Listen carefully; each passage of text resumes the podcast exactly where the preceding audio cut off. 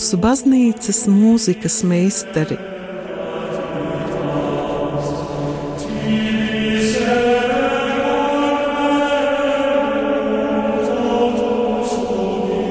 Studijā Dace Treimane.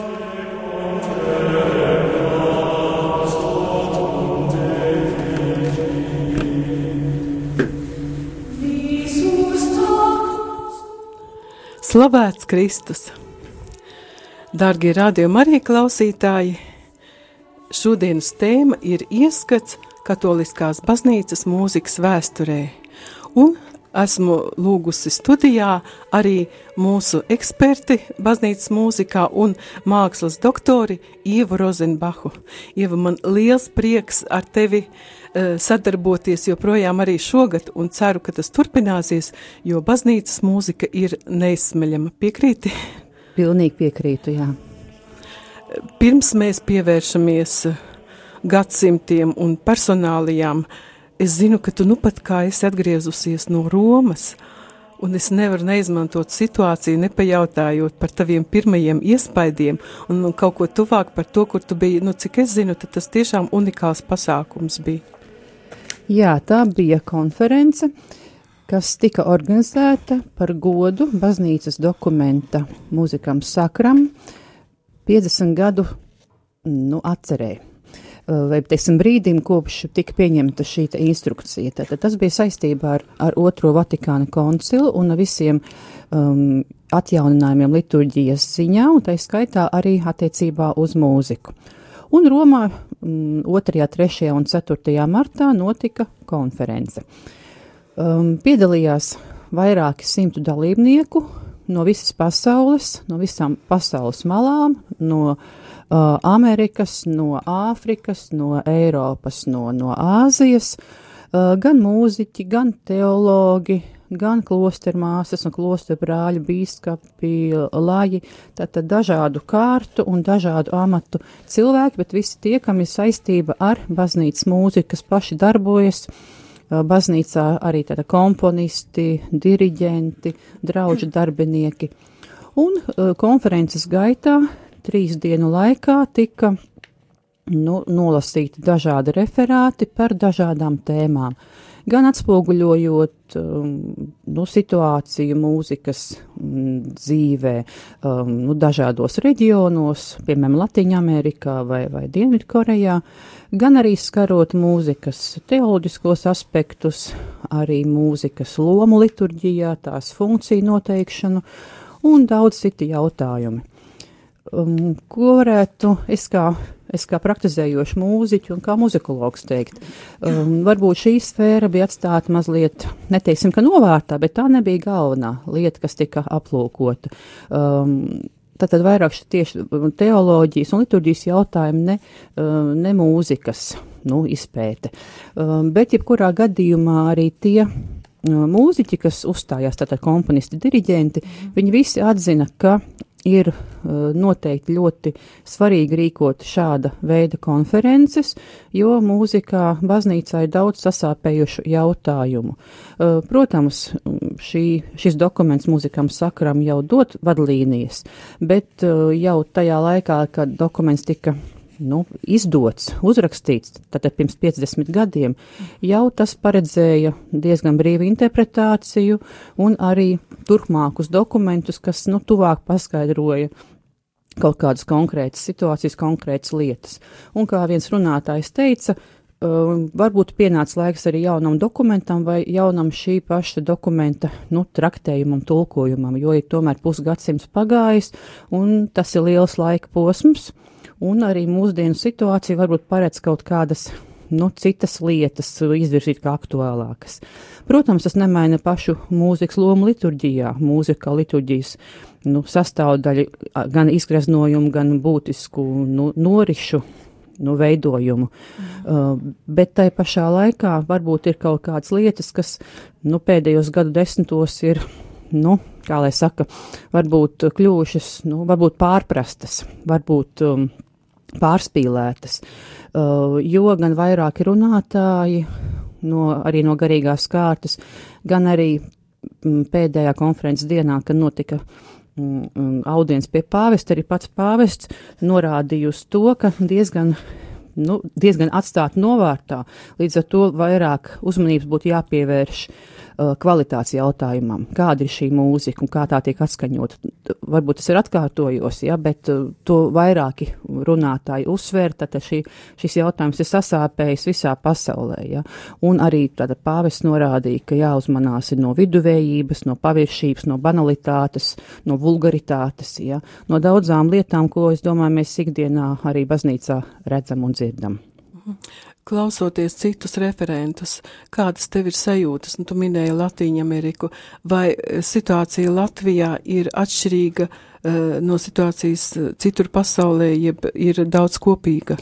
Es domāju, ka ir gan kopīgas, gan atšķirīgas lietas, jo uh, tas, kas ir, um, kas ir būtiski atšķir, atšķirīgs mūsu situācijā, un piemēram, lūk, Dienvidkorejā vai Latīņamerikā, ir tas, ka tomēr mēs dzīvojam Eiropā, un mums daudz lietas, kas jau baznīcā bijuši gadsimtiem ilgi, tās tomēr mums ir, nu, varbūt varētu pat teikt, nu, antropoloģiski. Mēs esam Eiropas cilvēki, ja, un, un daudzas arī muzikālās izpausmes vai arī, teiksim, uh, tīri socioloģiski, kā mēs uzvedamies, kā mēs, mūsu mentalitāte, mm -hmm. ja tā ir daudz tuvāka, tad, tad tā ir Eiropai kopīgāka. Un, teiksim, Dienvidamerika, kur valda jau afroamerikāņu garš vai kreoliešu vai indiāņu uh, mentalitāte, tas ir pavisam kaut kas cits. Ja? Bija arī viens pārstāvs no ziloņa kala krasta, no Āfrikas, ja? Mm -hmm. un pilnīgi varēja, ja no viņa runas vien just un stādīties priekšā, viņš ir lika klausīties dažādas mūzikas piemērus, tie pavisam, tā ir pavisam cita kultūra, tās ir citas kultūras saknes, jā, un, protams, šis te inkulturizācijas jautājums, kas tika arī skaits atsevišķi, ja kā tāds īpašs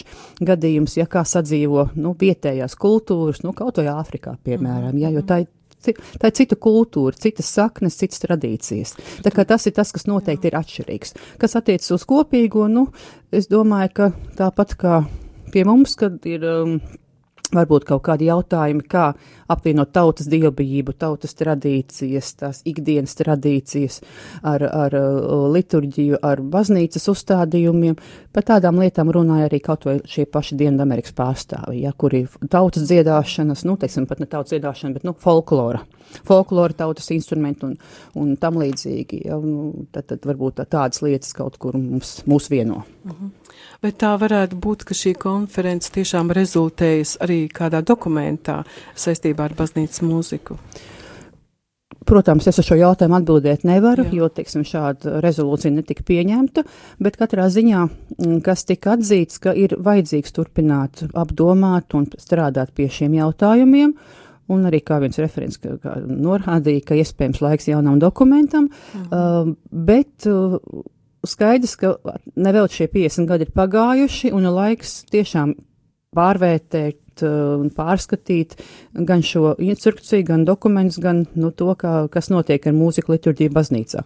Un kā arī viens no referentiem uh, tā, tā skaisti minēja, mēs nevaram sniegt pareizās atbildes, bet mēs esam sākuši uzdot pareizos jautājumus. Un tas vien liecina par to, ka nu, tas brīdis ir klāts. Jā, situācija ir uh, nobriedusi pārmaiņām. Varbūt pārmaiņām, vai arī vienkārši situācija tiek kontrolēta. Jā, skaidrs. Vai tev izdevi, izdevās nodibināt kaut kādus personiskus sakarus ar, ar mūziķiem no citām valstīm? Pavisam konkrēti nē, jo īstenībā bija ļoti maz laika kaut kādiem tādiem, nu, ārpus konferences nu, notikumiem, jo programma bija ārkārtīgi blīva. Mhm. Tiešām tajos brīžos, kad notika referāti, nu, tur nebija laika pat ne kafijai īsti. Ja. Mhm. Bija ļoti, ļoti daudz referātu, bija intensīvi, un, un, un protams, kā jau parasti konferencēs, varbūt kāds aizvelks savu referātu mazliet ilgāk, līdz mhm. ar to jau rodas ar laika deficīts, un ja kaut kas vēlāk ir ieplānos, tad viss notiek diezgan lielā steigā. Bet, protams, tad ir kaut kādi vārdi, kas asociēs ar konkrētām personām, līdz ar to kaut kādā diskusija tālāk ir iespējama daudz, nu, daudz vienkāršāk. Ja. Bet konferences materiāli, vai viņi būs kaut kur pieejami? Viņi, tiks, viņi tikšot uh, vai publicēti vismaz interneta vidē un digitālā formātā, jā. Mm, skaidrs. Vai tu biji vienīgā no Latvijas?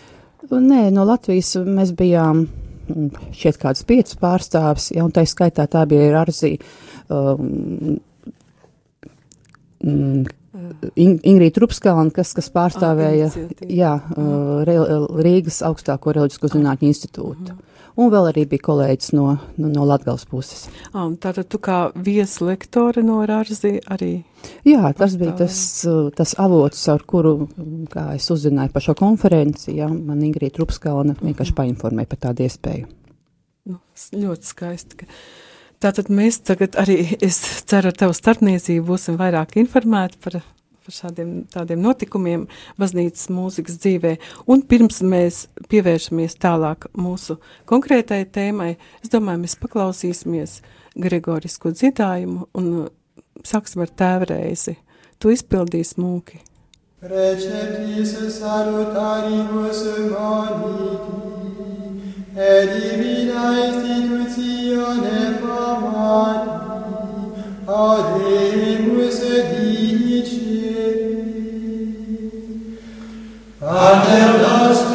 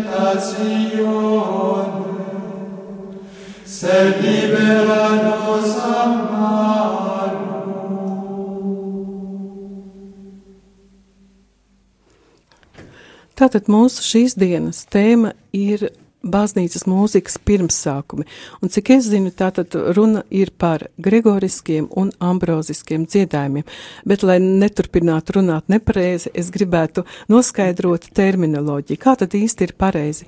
Vai ambroz, ambroziskie vai ambroziāniskie dziedājumi, un tāpat arī e, esmu sastapusies ar gregoriski, gregoriskiem dziedājumiem un gregoriāniskajiem dziedājumiem. Kā īsti būtu pareizi teikt? Nu, šie abi apzīmējumi ir atvesināti no attiecīgo, nu, no, no personu vārdiem, ja, mm attiecīgi no pāvista Gregora un no bīskapa Ambrozija, un tāpēc tie ir gregoriskie, jo bija bīskaps Gregors, nevis Gregoriāns, ja, Ah, skaidrs. un bija Ambrozijas, nevis Ambroziāns, tad ir gregoriskie un ambroziskie.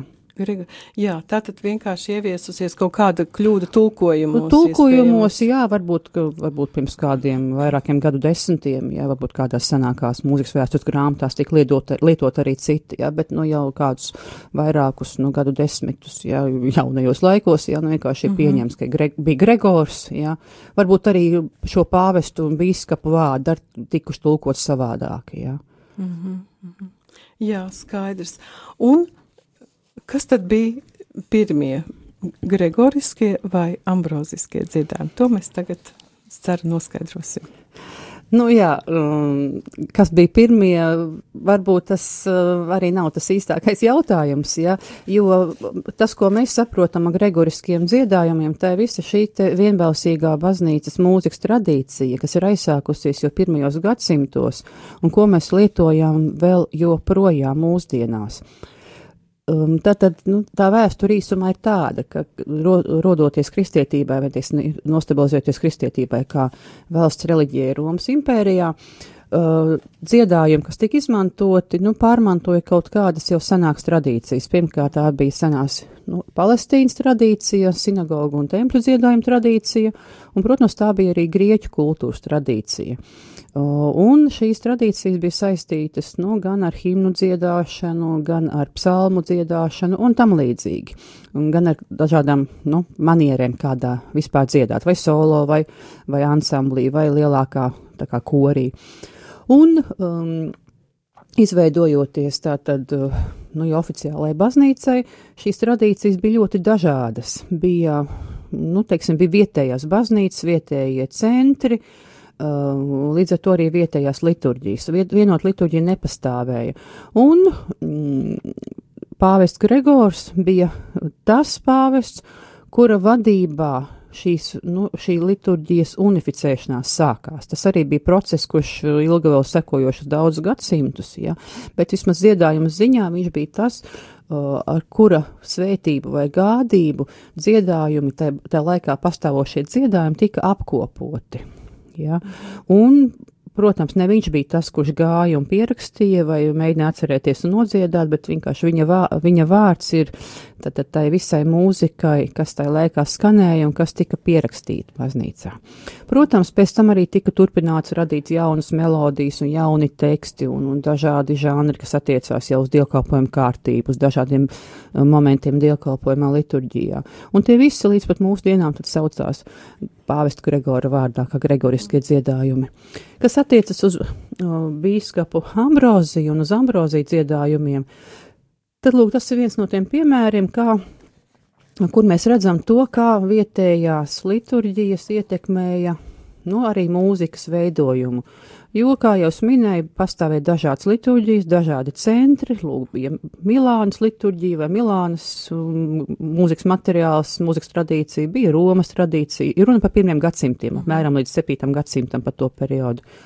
Bija Spānijā bija savas tradīcijas, un Francijā atsevišķos reģionos vēl savas bija. Tad, tad nu, vairāki centri, vairākas dziedāšanas manieres, protams, ko var, var just arī ietekmi no, no Bizantijas kultūras vai no kaut kādām vietējām tautas kultūrām, ko mēs arī dzirdēsim atsevišķos mūzikas piemēros šodien. Mm. Uh, un, lūk, jā, tā tad um, ambrozija dziedājuma, ambroziskie dziedājumi ir saistīti ar 4. gadsimtu ar um, bīskapa ambroziju vārdu, kurš tajā laikā tur kalpoja. Un kas interesanti par, um, par šiem dziedājumiem, ka tie pamatā ir saistīti ar himnas žanru, tātad tādu uh, dziedājumu, kas sastāv no vairākiem pantiem, uh, ar dzējas tekstu, tātad ar noteiktu pantmēru, ar noteiktu atskaņu sistēmu, uh, Un, jā, pats arī pats bīskaps Ambrozijs ir, ir, kom, ir rakstījis himnas, runa pa tekstiem, melodijas jau noteikti gadsimta gaitā arī ir mainījušās. Un viņam tiek piedāvāts vai, vai nu četras melodijas, vai vairāki desmiti, tur tas, tie fakti atšķirās, ja, un dažādi pētnieki, um, nu, piešķir dažādu atšķirīgu lomu um, Ambrozijam kā, kā dzēniekam, bet jebkurā gadījumā viņš arī pats ir rakstījis dzējas tekstus, un tātad arī himnu autors viņš ir. Jā, tad mēs, es domāju, ir iestājas laiks paklausīties pirmo piemēru, ko, uh, kas sauksies Domine Deus in adjutorium, un to, uh, tā ir paredzēta trešai gavēņa svētdienai, un to izpildīs Kanto Ambroziano, un to vada Luigi Benedetti. In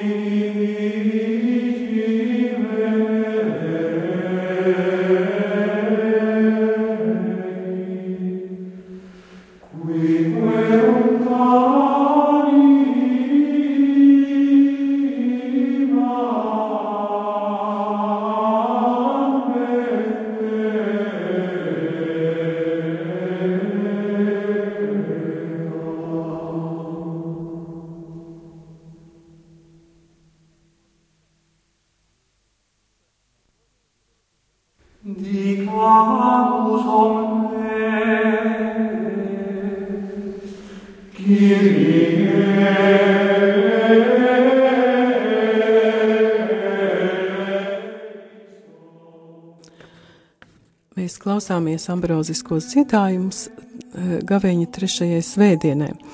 Eh, klausoties eh, vairākus dziedājumus, es pamanīju, ka viņi atšķirās stila ziņā. Kas tam par iemeslu ir? Nu, īstenībā ir tā, ka gan ambrozija dziedājumi, gan arī gregoriskie dziedājumi vispār, ja mēs pieņemam gregoriskos dziedājumus kā tādu stila apzīmējumu, galvenā atšķirība tajos ir, nu, teiksim, tā dziedājuma žanrs, vai citiem vārdiem, uh, tas uzdevums, kāds bija šim konkrētiem dziedājumam dievkalpojumā. Vai tas bija dziedājums, kas pats par sevi ir, muz, uh, ir liturģisks brīdis, piemēram, glorija dziedājums, ja? vai, vai agnus deja dziedājums. Ja? Tas, ir, teiksim, tas būtu tāds dziedājums, kas vairāk ir balstīts uz, nu, uz, uz uh, kora dziedājumu. Līdz ar to viņš būs vienkāršāks. Mhm. Jā, uh, izmantos vienkāršākas mūzikas un teksta attiecības. Uh, melodijas būs vienkāršākas, tas īsāks, skaidrāk uztverams būs teksts. Cits gadījums ir tad, kad, kad mūzika ir it kā neteiksim, ka fons, bet varbūt tās kā ornaments, ja, teiksim, no ofertorija dziedājums, ja upurdāvana sagatavošanas laika dziedājums, ja no, norisinās pie altāra kāda liturģiskā darbība, ja, un šis dziedājums būtībā ir kā tāds pavadījums, ja.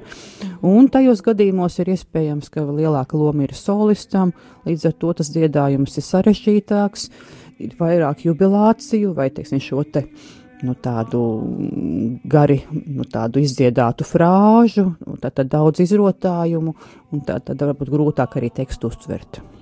Ah, nu tad, tad ļoti piemēroti mums ir ļoti piemērots nākošais piemērs, kas ir ofertorijas ekce apertum est templum tabernākuli, un to izpildīs ansamblu orgānum Marsela Perē vadībā. Uh,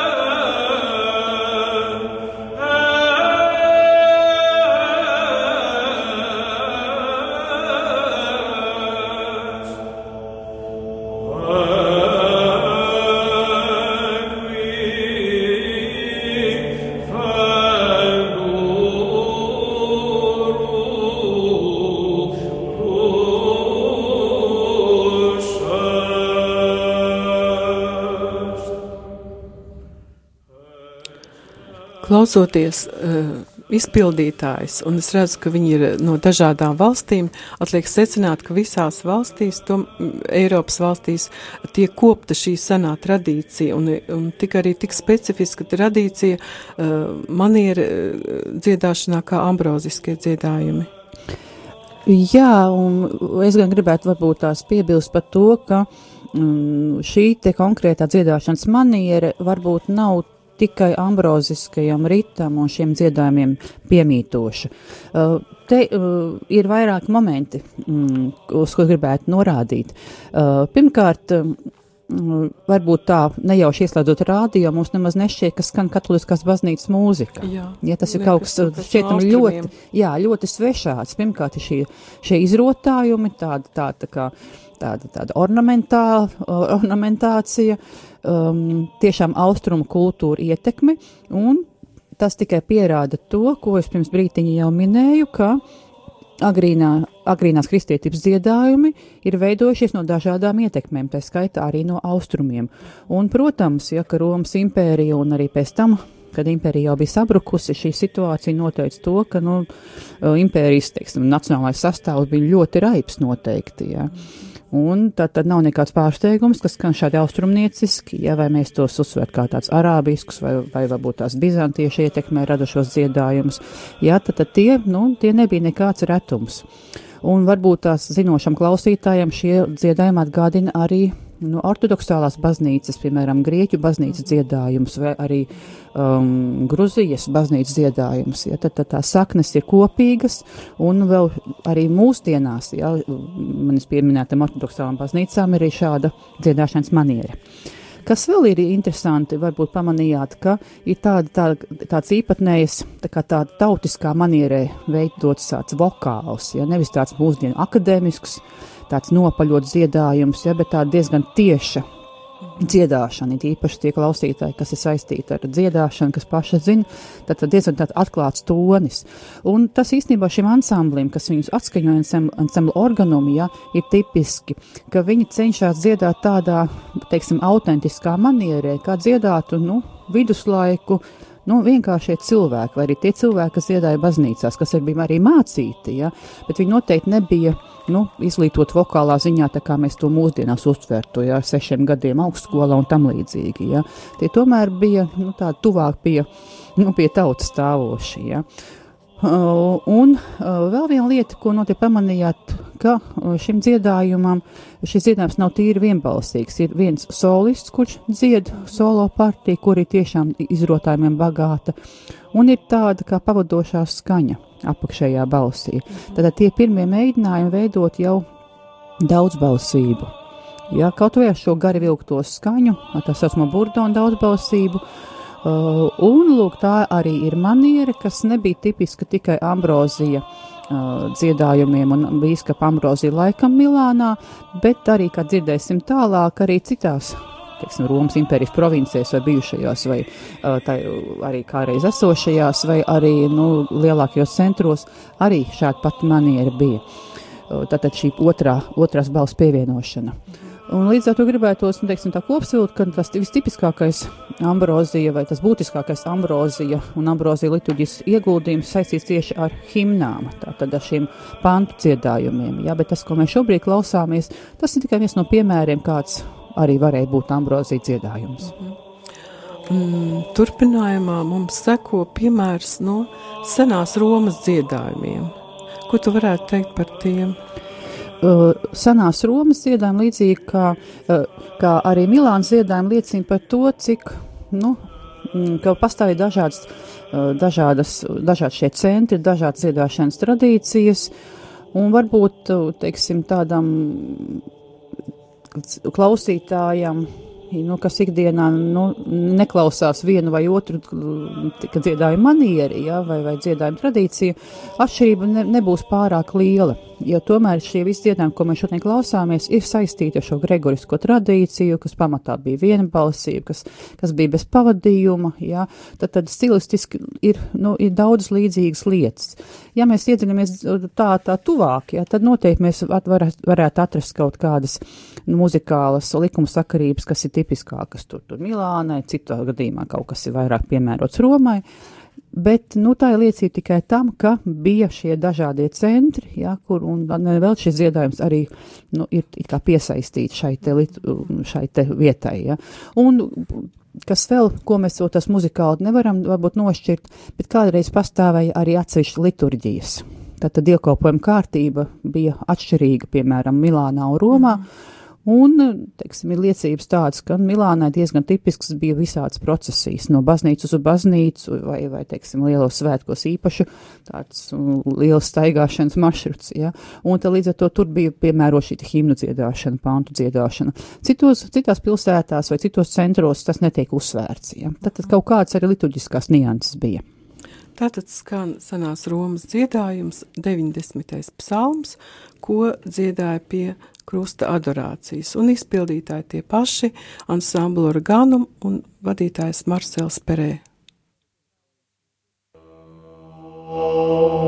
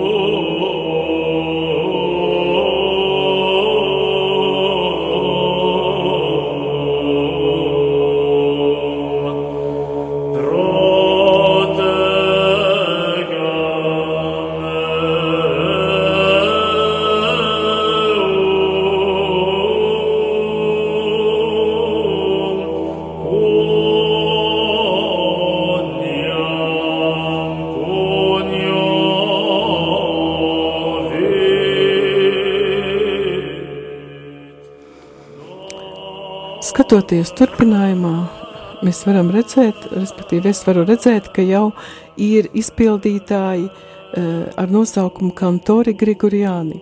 Tagad mēs dzirdējām ambrauziskos dziedājumus, un turpinājumā tā tas skanēs gregoriskie. Un kā pirmais būs lielā gaveņa dziedājums Attende Domine. Uh, jā, tas ir gaveņa dziedājums, un teksts ir uh, uzklausi kungs un apžēlojies par mums, jo mēs esam grēkojuši pret tevi. Tas ir ļoti pazīstams uh, gaveņa laika dziedājums, kuru mies šis pamatrefrēniņš un mainīgi teksti vai mainīgi panti tālāk turpinājumā.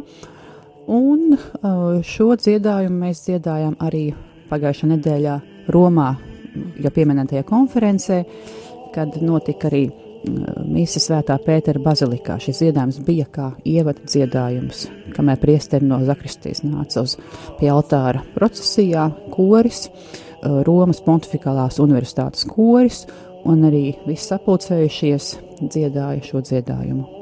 Jums bija grāmatiņās? Jā, nodrukāt. bija grāmatiņas ar visiem lūkšanu tekstiem tekst. un dziedājumiem, jā, tieši tā. Un dziedājumi arī gregoriskie pierakstā, tātad korāļu notācijā. Tātad tiek pieņemts, ka visi dalībnieki konferences to Jā, uh, nu, sakarā to, ka jau šī bija tomēr mūziķa vairums bija, tā arī bija zināma lieta, un ne tikai šis, arī citi dziedājumi, ja, tāpat arī vesperēs, ja, tika atskaņot kopā.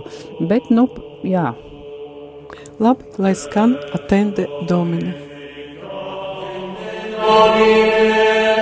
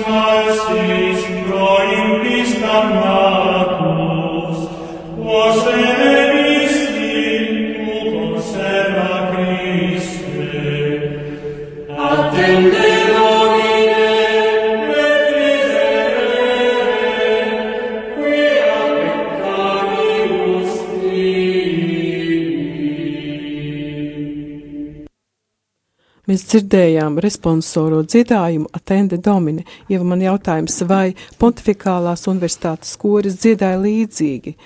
Kā mēs tagad dzirdējam? Jā, tātad re, responsorais dziedājums nozīmē to, ka notiek it kā jautājums un atbildi, tā tā kā saruna. Jā. Un tas ir tas, ko mēs gan dzirdējam tikko, ka tas refrēniņš tiek dziedāts laiki kā kopā, un tas pants ap refrēniem Nu, tur mainījās šī gadījumā vīru un sievu balsis, bet tas nebūtu tas noteicošais. Galvenais tas, ka tas referents ir uh, kā kopciedājums. Un īstenībā tas ir tas pats princips, kas mums ir arī vienā svētajā misē, kur ir dziedāts psalms starp lasījumiem. Mm. Jā, kad referenti dzied visi kopā, un attiecīgi psalms ir solo vai kāda grupa, jā, vai ansamblis. Uh, tad, tad tas ir tas responsorais princips.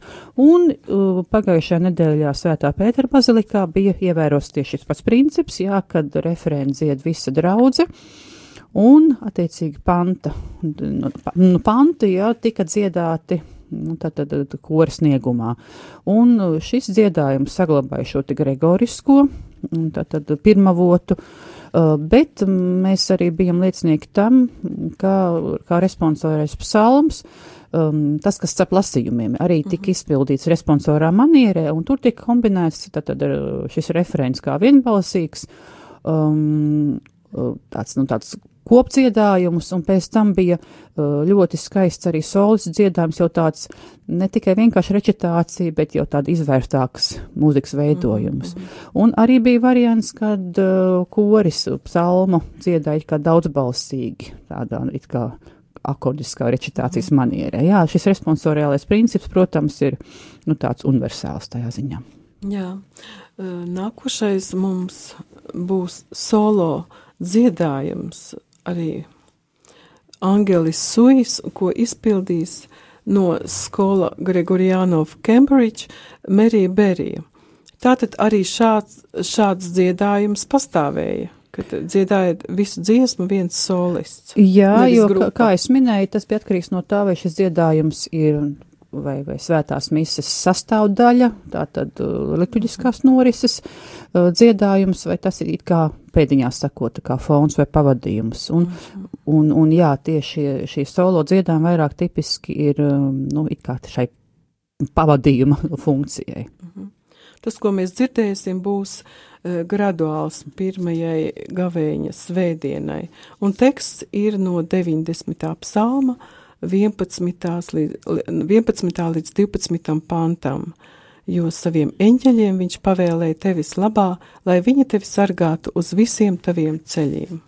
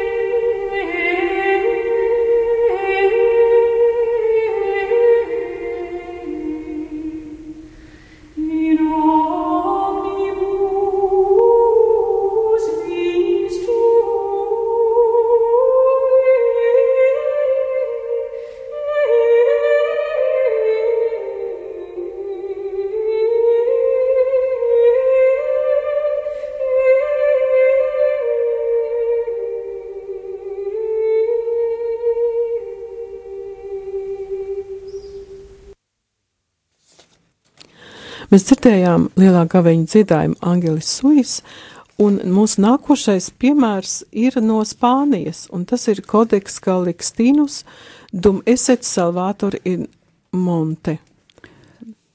Jā, nu dažos vārdos par, par šo kodeksu un, un vai citiem kodeksiem. Tātad mēs no viduslaikiem varam, varam nu, sastapt vairākus um, kodeksus, ar to saprotot tātad kaut kādu um, skaņdarbu krājumu, kas ir ticis pierakstīts tajā vai citā klosterī vai tajā vai citā mhm. baznīcā, tajā vai, tā vai cita, nu, bīskapa vai um, pāvesta laikā. Un tā arī šis kodeks ir no 12. gadsimta un ir nosaukts pāvesta Kalliksta otrā vārdā. Pāvests Kalliksts, un tāpēc ir kodeks Kallikstinus, un šis pāvests valdīja no 1138. līdz 1145. gadam, tātad tieši 12. Mhm. gadsimta vidus.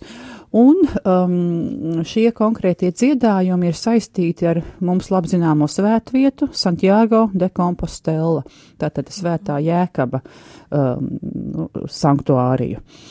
Uh, Uh, un arī šis dziedājums, līdzīgi kā tie, ko mēs dzirdējām jau e, Romas un Milānas tradīcijās, arī ar šo pavisam vienkāršo daudzbalsības veidojumu, ja, kad ir vadošā solo balss un pavadošā pavadošā tāda gari vilktā skaņa, uh, kas veido jau pavisam vienkārši divbalsību. Bet tik un tā mēs šos saucam arī par, par gregoriskās tradīcijas dziedājumiem, jā, jo principā tie ir vienbalsīgi. Un par agrīno daudzbalsību, jā, tas jau būs cits stāsts un, un, un cita, cita vide un cita skola komponistu ziņā. Jā, un izpildītājs arī ir Marcela Perē ansamblis. Do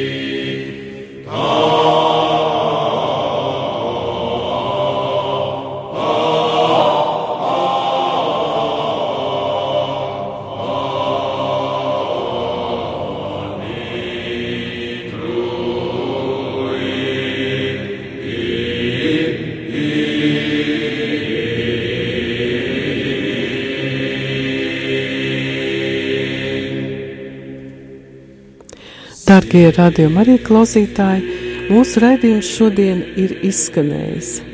Jau liels paldies par interesantu uh, stāstījumu, bet es varu iepriecināt visus klausītājus, ka šis cikls vēl turpināsies, un šī bija raidījuma um, lekcija, varētu teikt, lekcija pirmā uh, daļa, un vēl pēc divām nedēļām sakos nākošā. Uh, šis lekciju, šo lekciju ciklu Ieva Rozenbacha lasa uh, reliģijas zinātņu augstskolā, tā ka um, studenti, kuri varbūt nepagūst aiziet uz lekcijām, jeb um, grib atkārtot uh, vielu, var noklausīties šo uh, raidījumu atkārtojumā, jeb, piemēram, pirms eksāmeniem vēlreiz atkārtot. Jā, noslēgti, tas būtu ļoti vēlams.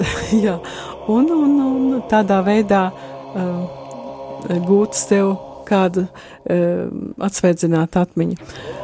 Uh, paldies, ka klausījāties, un mēs tiekamies pēc nedēļas ar Dievu!